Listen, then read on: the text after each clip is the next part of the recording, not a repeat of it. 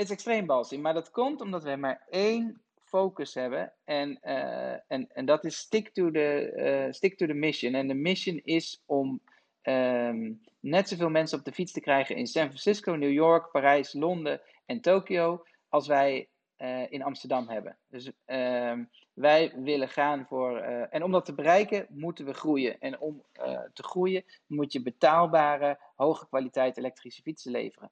En ja, de rest kan ons niet schelen. Dat is gewoon wat we, dat wat we willen bereiken. Dat is waar we naartoe gaan. Hi en leuk dat je luistert naar Reset, een podcast van MT Sprout. Waarin ik in gesprek ga met ondernemers, leiders, professionals en dwarse denkers over het runnen van bedrijven in uitdagende tijden. Mijn naam is Remy Gieling, hoofdredacteur van MT Sprout. En in deze aflevering spreek ik met Taco Carlier. Samen met zijn broer Ties is hij de oprichter van het snel groeiende fietsenmerk Van Moof. Van Moof lanceerde onlangs zijn derde smart bike, die 60% goedkoper is dan zijn voorganger. Bovendien had het bedrijf onlangs 12 miljoen euro groeigeld op en groeit het mede dankzij de coronacrisis als kool.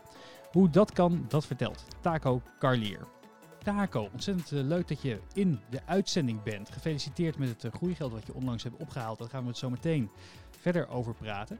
Maar voor uh, ja, de luisteraars, het blijft toch een podcast die uh, de, nieuwe van Move, die je onlangs hebt geïntroduceerd, nog niet kennen. Die nieuwe futuristische, prachtige smart bike.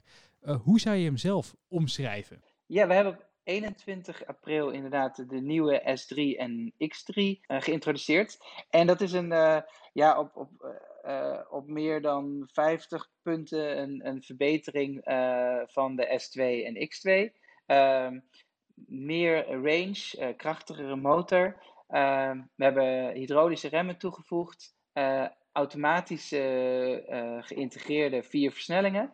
En verder is het op alle vlakken verbeterd. Dus de, de anti-theft technology is verbeterd. Um, de, de, de, de lak is heel sterk verbeterd. Het is een hele mooie matte uh, matte lak, die extreem krasbestendig is. Hij is een ja, zwart en lichtblauw, hè, als ik het, als ik het uh, goed heb gezien. Ja, er zijn twee kleuren. Hij, is in, hij wordt verkocht in dark en light.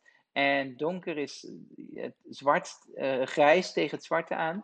En de lichte is ja, lichtgrijs, blauwig. Ford zei altijd, je kan elke color choose you want, as long as it's black.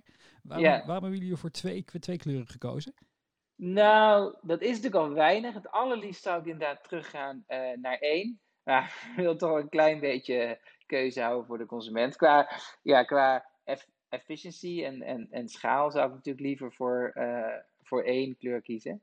Um, ja, een beetje, het is een beetje een, uh, hoe zeg je dat, een, um, een, een, een compromis tussen de, de marketing die er liefst meer wil en de operations die er liefst minder wil. Hoe gaan die discussies? Moet jij dan uiteindelijk de doorslag geven daarin? Of jouw broer? Uh, ik, samen, ik heb uh, Vermogen opgericht elf jaar geleden samen met mijn broer. En uiteindelijk hak, hakken wij samen de knoop door. Zijn er en, veel Zoom-meetings aan vooraf gegaan? Nee, dat valt wel mee. We hebben altijd twee kleuren gehad. En, dus ja, dat was niet eh, eh, ik, ik weet dat ik nog even geprobeerd heb om terug te gaan naar één, maar uh, dat is me niet gelukt. Hoe, uh, je hebt hem zelf natuurlijk al een tijdje nu. rijk je erop? Ben je erop ja. aangesproken door mensen die misschien vooraf zeiden: hey, is dat een andere van Moof dan die daarvoor? Want hij lijkt toch wel een beetje op die S2. ja, we zijn wel betrapt. Ik, heb hem, ik had hem zelf gecamoufleerd, dus ik had hem met. Ehm, met verf wat strepen opgezet, dat je niet zag dat hij, dat hij splinternieuw was. Uh, we zijn tijdens een fotosessie uh, betrapt. Toen waren we uh, in Amsterdam aan het rondfietsen en foto's maken. En toen kwamen er opeens twee jongetjes van ons af die zeiden: Is dat een nieuwe S3? Ehm, die hadden het door. Dat was een heel mooi moment. Toen zijn we snel weggefietst, want ze waren aan het filmen met hun camera. Ja, precies, precies. Heb je niet wat geld toegeschoven van als je het stilhoudt voor een paar weken? Nee, dan, ik heb erop gegokt. En het is uh, voor zover ik weet niet live te, uh, te komen. Maar slimme jochies, ze moeten stage komen lopen bij, bij, bij Sprout. ja, precies. Nou, bij deze de, de, de, uitnodiging, als ze, als ze luisteren, ze zijn van harte welkom. Dat soort journalisten ja. hebben we nodig, inderdaad. ja, het grote nieuws vandaag was toch wel die nieuwe 12,5 miljoen funding die jullie hebben opgehaald bij bij een investeringsmaatschappij en jullie assemblagepartner in Taiwan. Waar kwam deze ronde vandaan? Deze ronde kwam eigenlijk um, door de introductie van die S3 en die X3. Altijd als wij een nieuwe fiets introduceren, dan, dan, dan merken we enorme groeiversnelling.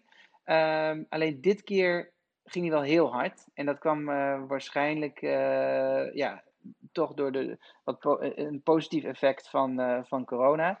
Wat natuurlijk verder een verschrikkelijke crisis is voor, voor alle ondernemers. Maar voor ons toch een soort silver lining heeft. Omdat steden in de hele wereld ineens ja, beginnen in te zien van de, de, de, openbaar vervoer heeft niet meer zoveel capaciteit. Iedereen terug in de auto kan ook niet. En dan kom je al gauw op de fiets uit. Dus overal in de wereld zijn steden aan het investeren in fietspaden. En wat, eigenlijk alles wat wij hadden voorspeld voor de komende tien jaar, wat er zou gebeuren in uh, de ontwikkeling van stedelijk vervoer, vindt nu in, in, in, in een periode van drie maanden plaats. Dus we zien een enorme uplift in sales vanuit, uh, uh, ja, vanuit die, door, het, door het virus. En daardoor een enorme stijging in, in de vraag. En dat betekent dat wij ja, de productie keihard moeten opschalen, kunnen opschalen. En daar hadden we extra ruimte voor nodig. Naast de ruimte die we altijd nodig hebben voor investeringen in productontwikkeling en uitbreiding van winkels. Maar dit was iets wat het, wat het, ja, wat nog urgenter maakte. Er lag eigenlijk een enorme kans om door te groeien. En die konden we alleen pakken door nog wat extra um, kapitaal toe te voegen aan het bedrijf. In hoeverre is dat dan dubbel op dat succes? Want ik kan me voorstellen, het is heel erg fijn dat die versnelling ga gaande is en dat mensen weer de fiets pakken. Uh, maar tegelijkertijd heb je net ook zo'n virus voorhanden die, die, die ook allemaal schade aanricht economisch en, op gezondheidsbasis. Dus hoe, in hoeverre kan je dan uh, echt heel erg blij zijn van zo'n uh, van zo'n succes? Nee, dat, dat is heel erg dubbel. En dat, je kan nog blij zijn. En laten we wel, laat ik eerlijk zijn, ik, ja, ik ben ook gewoon nog blij als het goed gaat. Aan de andere kant is dat, je hebt het gelijk, is het heel dubbel. Je hoeft maar hier het kantoor in te lopen. En dat is, daar word je gewoon een beetje triest van. Iedereen is thuis. Dus ja, dat, dat oude team spirit hier, dat, is, dat is weg. Uh, nee, en, en, en je hoeft het nieuws maar aan te zien om, om te zien dat heel veel bedrijven er veel erger voor staan. Dus dat is zeker dubbel. Moet, je, moet je er misschien ook een beetje voor oppassen, dat je, dat je niet te enthousiast erover wordt? Ja, ja, denk, absoluut. En we hebben er heel erg geprobeerd om daar het, uh, het optimum in te vullen. We waren altijd heel, bijvoorbeeld met onze online lancering op 21 april uh, ja, ook wel voorzichtig in de toonzetting. Het is niet gepast om keihard te gaan, alleen maar te gaan juichen. En ja, we hebben een nieuwe fiets en ja, we hebben een nieuwe investering. Uh, ja, ik denk dat je dat ook wel een klein beetje uh, iets gepaster moet brengen. Aan de andere kant, om allemaal thuis te gaan zitten sikkeneuren en niks meer. Ik denk dat iedereen ook behoefte heeft aan positiviteit. En laten we ook kijken naar wat een uniek het is een, het is een naar experiment waar we in gedwongen zitten. We, uh, maar het is ook een mooi experiment. Ik denk dat een, over heel de wereld zien mensen in steden nu hoe mooi steden kunnen zijn als we wat minder uh, auto's toelaten in de stad. En hoe, hoe fris het ineens weer ruikt en hoe stil het is. En uh, ja, goed, het is al naar genoeg. Laten we dan in ieder geval de positieve punten eruit pakken. Hoe werkt dat in zo'n productiefaciliteit? je broer Ties zit daar in Taiwan met 32 medewerkers, geloof ik, in die fabriek. Uh, hoe, hoeveel capaciteit hebben ze? Uh, nou, hij zit, niet, hij, wij, hij zit inmiddels met 40 medewerkers, maar niet in de fabriek. Ze hebben een heel mooi uh, kantoor midden in Taipei, in een oude kerk. Ehm, en dat zijn allemaal dus. het grootste deel van zijn team is ehm, RD, um, dus productontwikkelaars op, van de hardware. We hebben de meeste productontwikkeling in Taipei, de meeste softwareontwikkeling in Amsterdam. Dat is wat dat team doet. Daarnaast hebben we een, een assemblagefabriek, een hele grote fabriek. Ik, ik, volgens mij is die groter dan twee voetbalvelden. En daar werken, um, ik denk wel, wel, wel 100, 140 man. Maar die staan niet bij ons op de loonlijst. Dus dat is een, die tellen we niet mee in het, in, in het aantal. Waarom zitten die, die, die, die hardware-techneuten in Taipei? Ten eerste, um, Taiwan is vanuit de geschiedenis eigenlijk het centrum van, van de fietsindustrie. Dus 80, 90 procent van alle onderdelen op alle fietsen wereldwijd wordt gemaakt door fabrieken in China of Taiwan, die meestal in de eigendom zijn van Taiwanese. Dus die Taiwanese beheren de fietsindustrie, beheersen de fietsindustrie. Ehm, wij wilden de hele fietsindustrie veranderen. Wij wilden dat opnieuw uitvinden. We vonden die, die, die keten niet goed ingericht. Uh, en daarom is mijn broer naar Taiwan gegaan om eigenlijk in het hol van de leeuw uh, van binnenuit uh, het anders in te richten. En wat we daar uiteindelijk voor gekozen hebben, is, een, is eigenlijk de productie van fietsen weg te trekken uit de fietsenindustrie en te verplaatsen naar de elektronica-industrie. Dus wij hebben eigenlijk de manier gekopieerd waarop uh, elektronica-giganten als Apple en Samsung hun producten uh, produceren. Dus dat betekent alle productontwikkeling en al het design en, en uh, softwareontwikkeling, alles in eigen huis. En dan besteden we volgens de productie uit aan allemaal uh, kleine fabrieken, maar rechtstreeks bij de fabrieken. Dus rechtstreeks bij de spuitgieterijen, metaalwerkplaatsen, wat is het nog meer? Um, chip, nou, Engelse woord zit ik even. De printplaatleveranciers. nou, al, dan, dan, dan besteden we de productie van al die onderdelen uit. Dan verzamelen wij alle onderdelen weer en leveren we het af bij een assemblagewerkplaats. En dat zijn meestal assemblagewerkplaatsen uit de elektronica-industrie. Dus uh, partijen zoals wij, veel mensen kennen Foxconn, een partij als dat, uh, die assembleert dan onze fietsen. Dan doen wij de kwaliteitscontrole en verkopen we het in onze eigen kanaal. Dat is zoals wij het ingericht hebben in, in Taiwan. En dat is waarom mijn broer naar Taiwan is vertrokken acht jaar geleden. Hoe, en hoe groot kan die productie worden? Want die vraag die stijgt en je had en die kapitaalstuk nodig om meer, meer spullen in te kopen? Ja, goede vraag. Dat is de, eigenlijk het, de hoofdreden dat dan, waarom wij dus een shift hebben gemaakt van de fietsindustrie naar de uh, elektronica-industrie, is omdat we ze daar veel meer gewend zijn aan schaalvergroten, schaalvergroting, uh, een hoge manier van, een hoge methode van afwerking, hoge kwaliteitscontrole. Dus is veel meer gericht op massaproductie dan op ja, de fietsindustrie is eigenlijk nog heel kleinschalig. Fiets voor fiets wordt, wordt in China gelast. En, en, ja, dat, dat, dat, willen wij eigenlijk iets meer naar, naar massafabrikage trekken. En waarom willen we dat? Omdat we denken dat dat efficiënter is en dat je daardoor mooiere en betere fietsen kan leveren voor een lagere prijs. En, en daar komen we zo nog op terug. Zeg. Ja, nee, zeker. En jullie willen graag ja. naar die, naar die 100.000 fietsen per jaar toe. Zeg ik even uit mijn hoofd, of meer, hè? Ja, daar zitten we hopelijk uh, over anderhalf jaar al wel aan. Mm -hmm. uh, we willen door. Ja. En we, we, wat, Uiteindelijk wat, naar wat, is die ambitie dan? Miljoen fietsen per jaar. Miljoen fietsen per jaar. En, ja. en, en, maar dat, dat kan met de, huidige, met de huidige workflow die je hebt ingericht. Ja, zeker. Zeker met de huidige workflow. We moeten dan wel meer assemblageplaatsen aansluiten. Mm -hmm. uh, maar dat is, het, dat is het voordeel. Hoe we het nu hebben ingericht, is het schaalbaar. Dus we kunnen nu uh, onbeperkt opschalen. Ja. Zonder daarvoor dat we daar een nieuwe fabriek voor hoeven bouwen of nieuw kopen. We, we sluiten gewoon extra partners aan. Worden die fiets nog steeds verzonden in die geweldig gave grote doos waarop staat, uh, uh, met een groot, groot icoon van een te te televisie, uh, waarop staat breekbaar?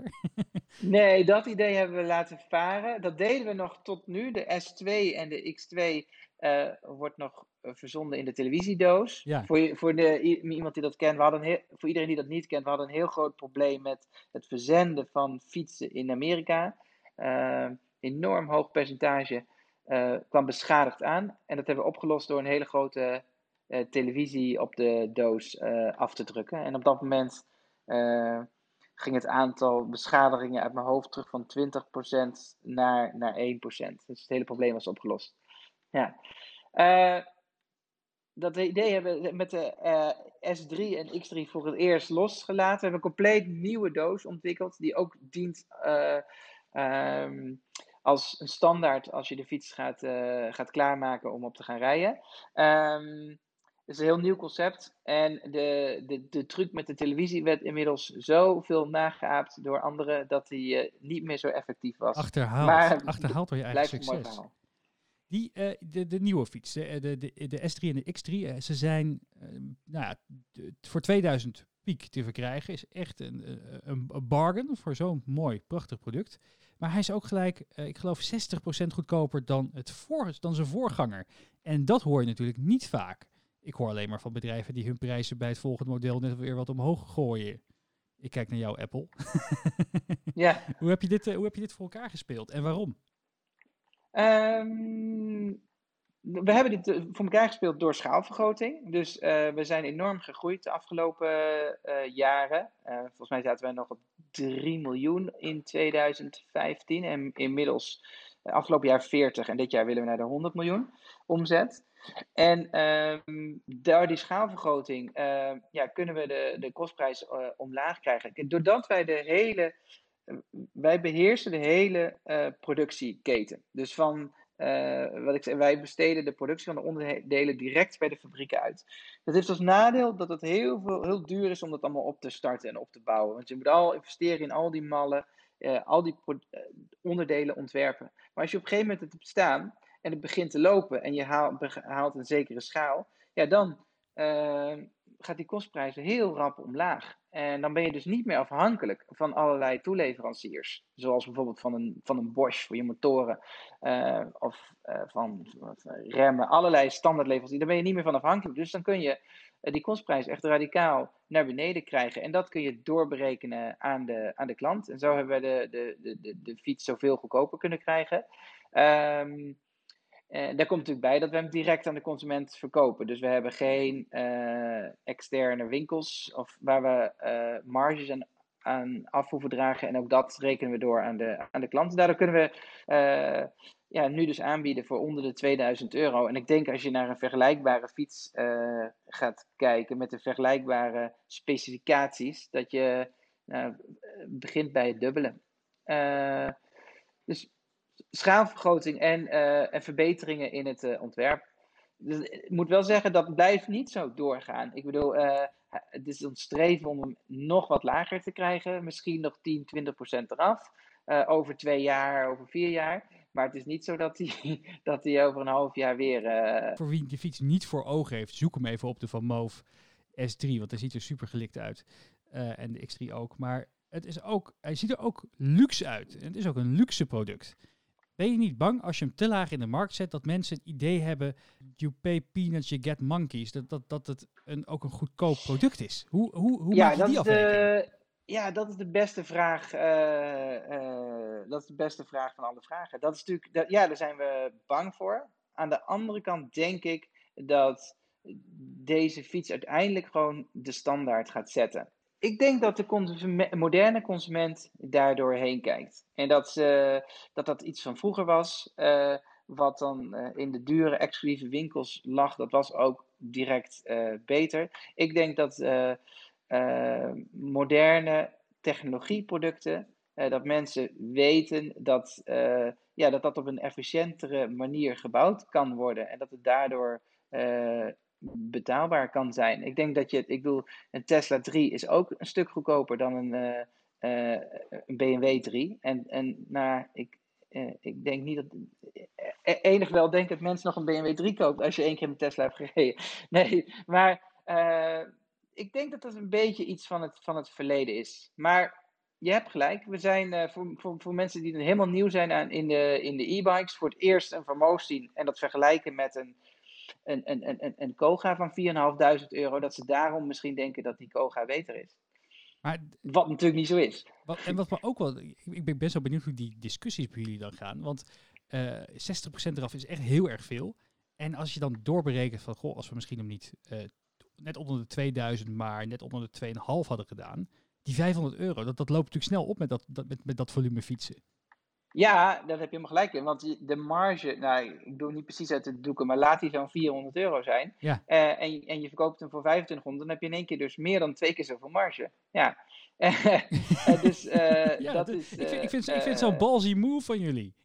Het is extreem ballsy, maar dat komt omdat we maar één focus hebben. En, uh, en, en dat is stick to, the, stick to the mission. En de mission is om um, net zoveel mensen op de fiets te krijgen in San Francisco, New York, Parijs, Londen en Tokio als wij uh, in Amsterdam hebben. Dus uh, wij willen gaan voor. Uh, en om dat te bereiken, moeten we groeien. En om uh, te groeien, moet je betaalbare, hoge kwaliteit elektrische fietsen leveren. En ja, de rest kan ons niet schelen. Dat is gewoon wat we, dat wat we willen bereiken. Dat is waar we naartoe gaan. En zo gaan die meetings. En dan kijken we naar, ja, korte termijn misschien interessant om even wat meer winst te maken. Maar we kijken naar de lange termijn, over vijf tot tien jaar. Hoe kunnen we dan zorgen dat de kans zo groot mogelijk is dat we, ehm, dat we dan bij ons doel komen, die laten we zeggen 1 miljoen fietsen of een miljard omzet.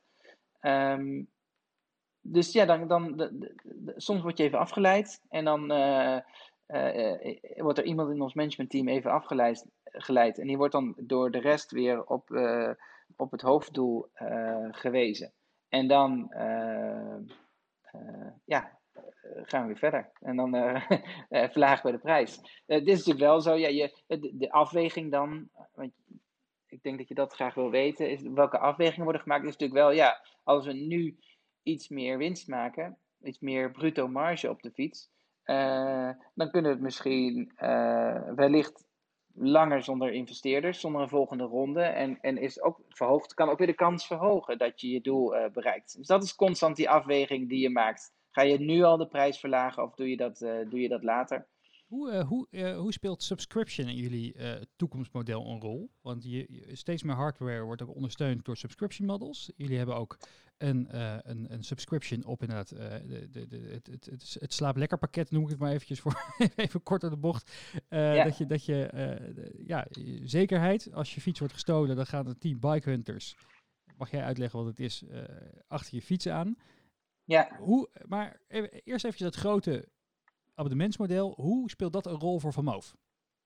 Nou, wij bieden sinds vorig jaar uh, subscriptions aan. Uh, dus dat is dat je gewoon uh, een maandelijks bedrag betaalt voor een fiets. En daar zit dan alles bij in de verzekering, de peace of mind garantie, service, it's all in.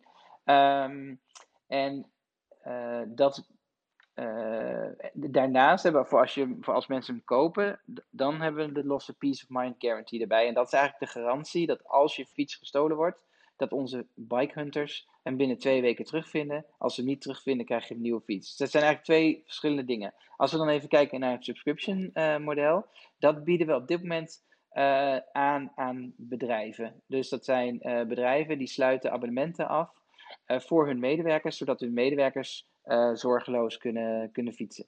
Dat is in, uh, in Europa uh, zien we ongeveer dat 90% van de omzet is gewoon nog verkoop. En 10% is B2B subscriptions. In Amerika is dat veel populairder, die B2B subscriptions. Daar komen steeds meer bedrijven die die abonnementen afsluiten voor hun medewerkers. Om eigenlijk hun medewerkers te stimuleren om meer op de fiets naar werk te komen. En wat, wat, wat, wat verklaart dat verschil, denk je? Ja, in, bij veel techbedrijven in Amerika is het enorm probleem dat ze zo groot zijn dat ze uh, heel veel uh, files veroorzaken rondom hun campussen. Dus die zijn, en dan vervolgens mogen ze niet meer bijbouwen. en dan, ze willen natuurlijk ook allemaal, ze groeien allemaal als school, dus ze willen allemaal die campus vergroten. En ja, dat is, dat, is één grote opstopping daar, congestion. Dus wat we dus die zijn heel erg geïnteresseerd om meer medewerkers op de fiets naar werk te krijgen, om zo die files te verminderen. Dat is wat heel erg speelt. En ten tweede, ook weer bij die techbedrijven, veel mensen zitten de hele dag achter een computer. Hoe krijg je die in beweging? Ehm, hoe krijg je ze gezonder? En dus ook daarom willen ze ze graag op, op de fiets hebben. Wat er ook nog bij speelt, is dat ja, de vermogens zijn echt gemaakt voor de Amerikaanse steden. In die zin. Um, ze zijn vaak wat heuvelachtiger, uh, San Francisco en Seattle. Dus best wel lastig om daar op een normale fiets naar je, naar je werk te fietsen. De afstanden zijn vaak wat groter. Mensen wonen in eh, buitenwijken en 10, 12 kilometer is niks. Nou, dan is het in het geval van New York uh, ook nog super warm in de zomer. Dus dat is ook niet te doen op een normale fiets. Dus ja, daar, daar moet je echt wel gewoon naar elektrisch switchen. Wil je echt gewoon af en toe naar je werk fietsen. En dat is ja, waarschijnlijk waarom het nu zo hard toeneemt. Nu heeft de Tesla ook al eens, uh, zie, ik, zie ik bij vrienden en kennissen, dat ze dan een, een, weer een of andere paid subscription upgrade aanbieden. Add-ons, software add-ons zou kunnen gaan verkopen. Dat zou wel gaaf zijn. Ja, dat zou goed kunnen. Ja. Ik, we, we, kijken daar wel naar. Het is nog niet concreet of er komt niks aan, maar we kijken er wel naar. Dat je grappige belletjes of zo zou kunnen kopen. Of, uh, ja, dat heb wel. nou, je kan het niet kopen. Je bijkopen. dat, dat, Donald Trump uh, schreeuwt van get out of the way. Dat soort dingen. Ja, dat, we hebben al uh, nu, je kan kiezen tussen drie verschillende bellen. Voor, voor de luisteraars, er zit dus een, een speaker in de fiets. Die, die is er voor het alarm. En die maakt een mooi geluidje als je hem opstart of als je hem begint met opladen. Maar dat is dus ook de bel. Dus je zet een knopje op stuur en, dan, en dan, dan kan je gewoon kiezen voor een traditionele Hollandse ding-dong bel. of voor een soort meer, mensen noemen het de submarine, dus meer onderzeeërgeluid of een uh, party toeter. En ja, ik weet zeker dat daar in de toekomst meer bellen bij gaan komen. Ik hoop nog op een Christmas bell uh, met tijdens kerstmis. Dat je dan ineens kan switchen naar een, een kerstbelletjes. en nou ja, get out of the way. ook een goed idee. Je schrijft hem op voor, voor de ideeën. Ja. Um, die bike hunters. Die bike hunters vind ik ook nog steeds een geniaal concept. Want jullie hebben er ook allemaal gave video's over op internet staan. Dan zie je vaak twee jonge gasten die door heel Europa, Azië, wherever crossen om gestolen van moves terug te halen. Uh, ja. Waar is dit idee vandaan gekomen en waar staan we anno 2020 ermee? Ja, dat is geleidelijk aan ontstaan. We, nou, ten eerste, we willen alle barrières oplossen die mensen tegenkomen als ze gaan fietsen. En een van onze grootste problemen was dat mensen onze fietsen niet durfden te kopen omdat ze bang waren dat ze uh, gestolen werden. We maken natuurlijk fietsen voor woon-werkverkeer, dus die, die, die, die staan vaak buiten. En diefstal is dan gewoon je grootste probleem. Nou, dat gingen we oplossen door, uh, door tracking technologie in de fiets. en het probleem was eigenlijk dat klanten toen nog niet geloofden. Die durfden nog steeds hun fiets niet buiten te laten staan. Dus ja, toen, toen gingen we dan zelf, en het is eigenlijk bij, bij Ties en mij zelf begonnen, dat we op een gegeven moment een bericht dan kregen van, ja, er staat een, een gestolen fiets op het centrum, in het centrum van Amsterdam. En dan s'avonds om tien uur, en dat je, ja, dan ga ik zelf wel even kijken. Dus ik s'avonds, volgens mij de Lauriersgracht was het, op zoek naar die fiets, en toen vond ik hem. En ja, dat was zo'n kicken moment. Alsof ik op, op, op jacht was. Daar was ook dat Hunters vandaan. Uh, in Bike Hunters. Of als ik op, jacht was en dat was leuk. En ik denk, goh, je moet meer mensen gaan doen. En, en zo ontstond het idee voor de, voor de Bike Hunters. En nu is het inderdaad een heel team van eh, 20 man. Niet allemaal fulltime, maar sommigen hebben het als bijbaantje. Um, die dus, nou, als een fiets gestolen is, die, die terughalen. 95% van de fietsen vinden we overigens gewoon terug in de stad waar ze, waar ze gestolen zijn. Uh, meestal ook in de buurt. Maar af en toe dan, dan, moet, dan moeten we heel Europa door. Ik moet wel zeggen, kijk, dat, we doen niet. Het is niet zo dat we elke fiets terugvinden. Op dit moment vinden we in Amsterdam al 70 tot 80 procent van de fietsen terug. In heel Europa is het 60 procent. In, in Amerika is dat percentage nog iets lager. Um, we zijn er nog niet, maar we komen er wel. Het percentage gaat steeds, eh, steeds verder omhoog. De technologie wordt beter, de bike hunters worden beter, dus we vinden steeds meer terug. En uh, uh, nou ja, goed, die peace of mind garantie is er dan voor als ze hem dan niet terug kunnen vinden, dat mensen toch een, een nieuwe fiets krijgen. Hoe, um, in hoeverre is het ook gevaarlijk werk? Dat je, dat je niet weet natuurlijk, dat, of, of, of zo'n man of vrouw vooruit met kwade intenties zo'n fiets heeft meegenomen. Nou, we zijn, we zijn, de bikehunters zijn heel voorzichtig. Dus meestal vinden we de fiets gewoon terug op, op straat. Ehm, en dan bellen we de politie en die zegt, nou dat wisselt een beetje per land. In, in, in Nederland zeggen ze, oh, als die voor jou is, pak hem dan maar gewoon terug. In, in Amerika komen ze er direct aan met, met drie politieauto's en vinden ze het prachtig en, en helpen ze. Um, ja, dat, dat is. Uh, dus we doen het in samenwerking met de politie vaak. We, we zorgen altijd overdag zijn. We filmen het. Ehm, we, we zorgen. We gaan niet iemand in een, fietsendief in een hoekje drukken. We gaan altijd uit van het vertrouwen van de mensen. Dus we, zeggen. We gaan er altijd vanuit dat degene die we met de fiets betrappen, die fiets ook op een eerlijke manier, of nou ja, goed, semi-eerlijke manier heeft gekocht via Marktplaats. Dus um, ja, we hebben daar we hebben nu meer dan duizend fietsen teruggehaald. En we hebben uh, uh, nog nooit echt een, een, een enge situatie uh, meegemaakt. Heb je, heb je er zelf wel eens eentje betrapt, de fietsendief? Ja, zeker. zeker Heel vaak. Wat doe je dan? Ja, ik, heb, ik heb er zelf wel eens ja, zelf fietsen teruggevonden. Ehm, ook wel in, in Amerika en, en als ik daar was. maar heel veel hier in Amsterdam.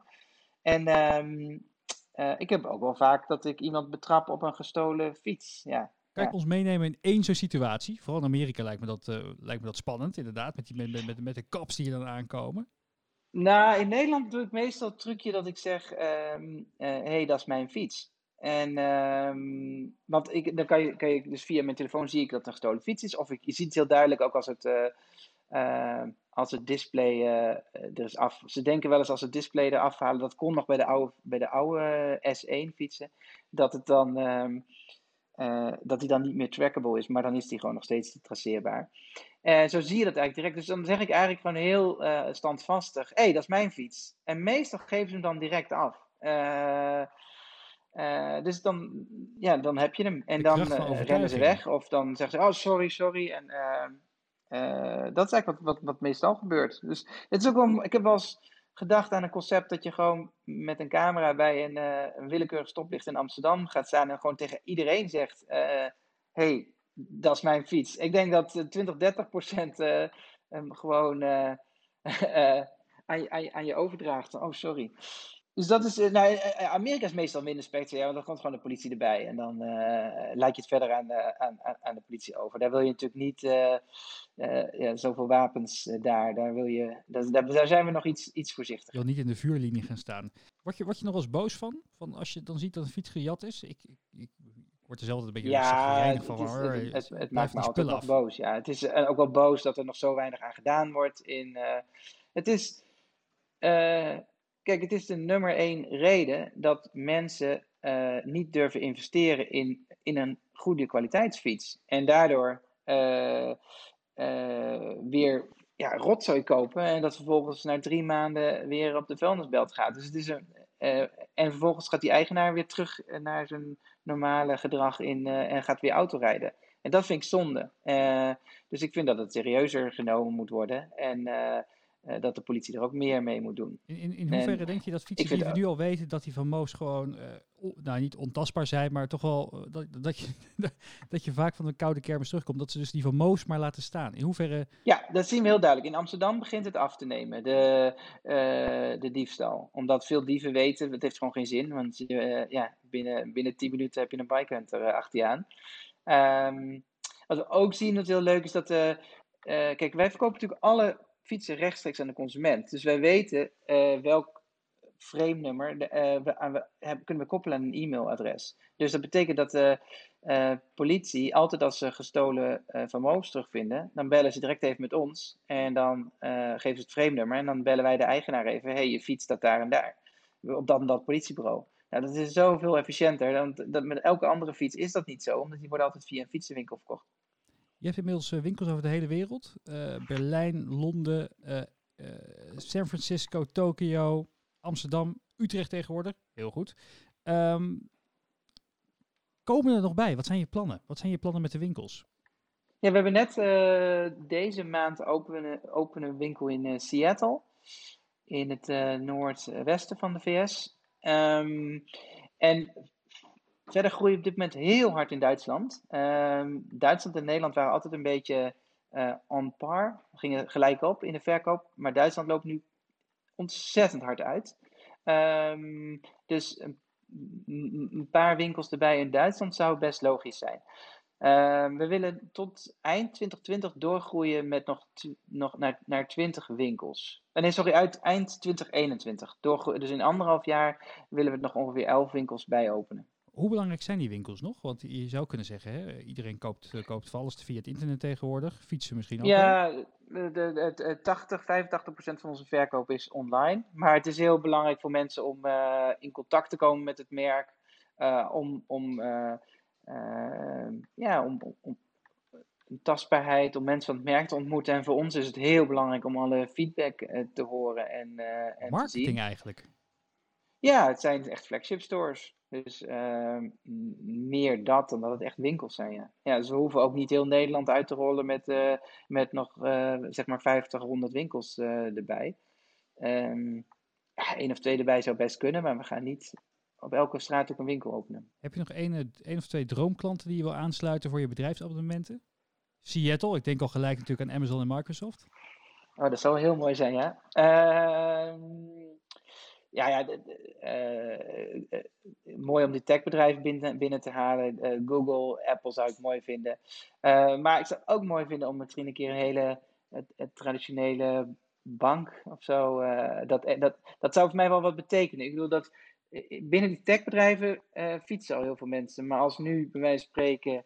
Ehm, de nieuwe directeur van ABN op zijn fietsje naar, naar Zuid gaat? Nou, dat gebeurt al veel. Maar dat echt uh, de uh, Rabobank of in, in, in Amerika grote banken of, of, ehm, nou, of accountskantoren echt gaan stimuleren dat hun medewerkers ook allemaal met hun vermogen naar hun werk komen. Ja, dat is iets wat nu nog niet bestaat. Dus dat, is, dat zou ik echt mooi vinden. Als we, de, als we ook de stap kunnen maken naar de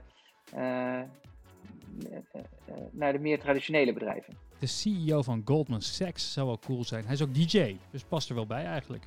Klopt, ja. Ja, ja, ja, ja. Nou, dat, dat zou maar zo kunnen. Ik sluit niks uit. Dankjewel voor het luisteren naar Reset, een podcast van MT Sprout. Wil je meer inzichten van ondernemers, leiders en professionals? Schrijf je dan in voor onze gratis nieuwsbrief op mt.nl slash nieuwsbrief. Of als je meer wilt weten over startups en scale-ups, ga dan naar sprout.nl slash nieuwsbrief. Heel graag tot de volgende aflevering. Dan spreken we met Marion Koopman, CEO van The Greenhouse Group, over creativiteit in coronatijd. Tot dan!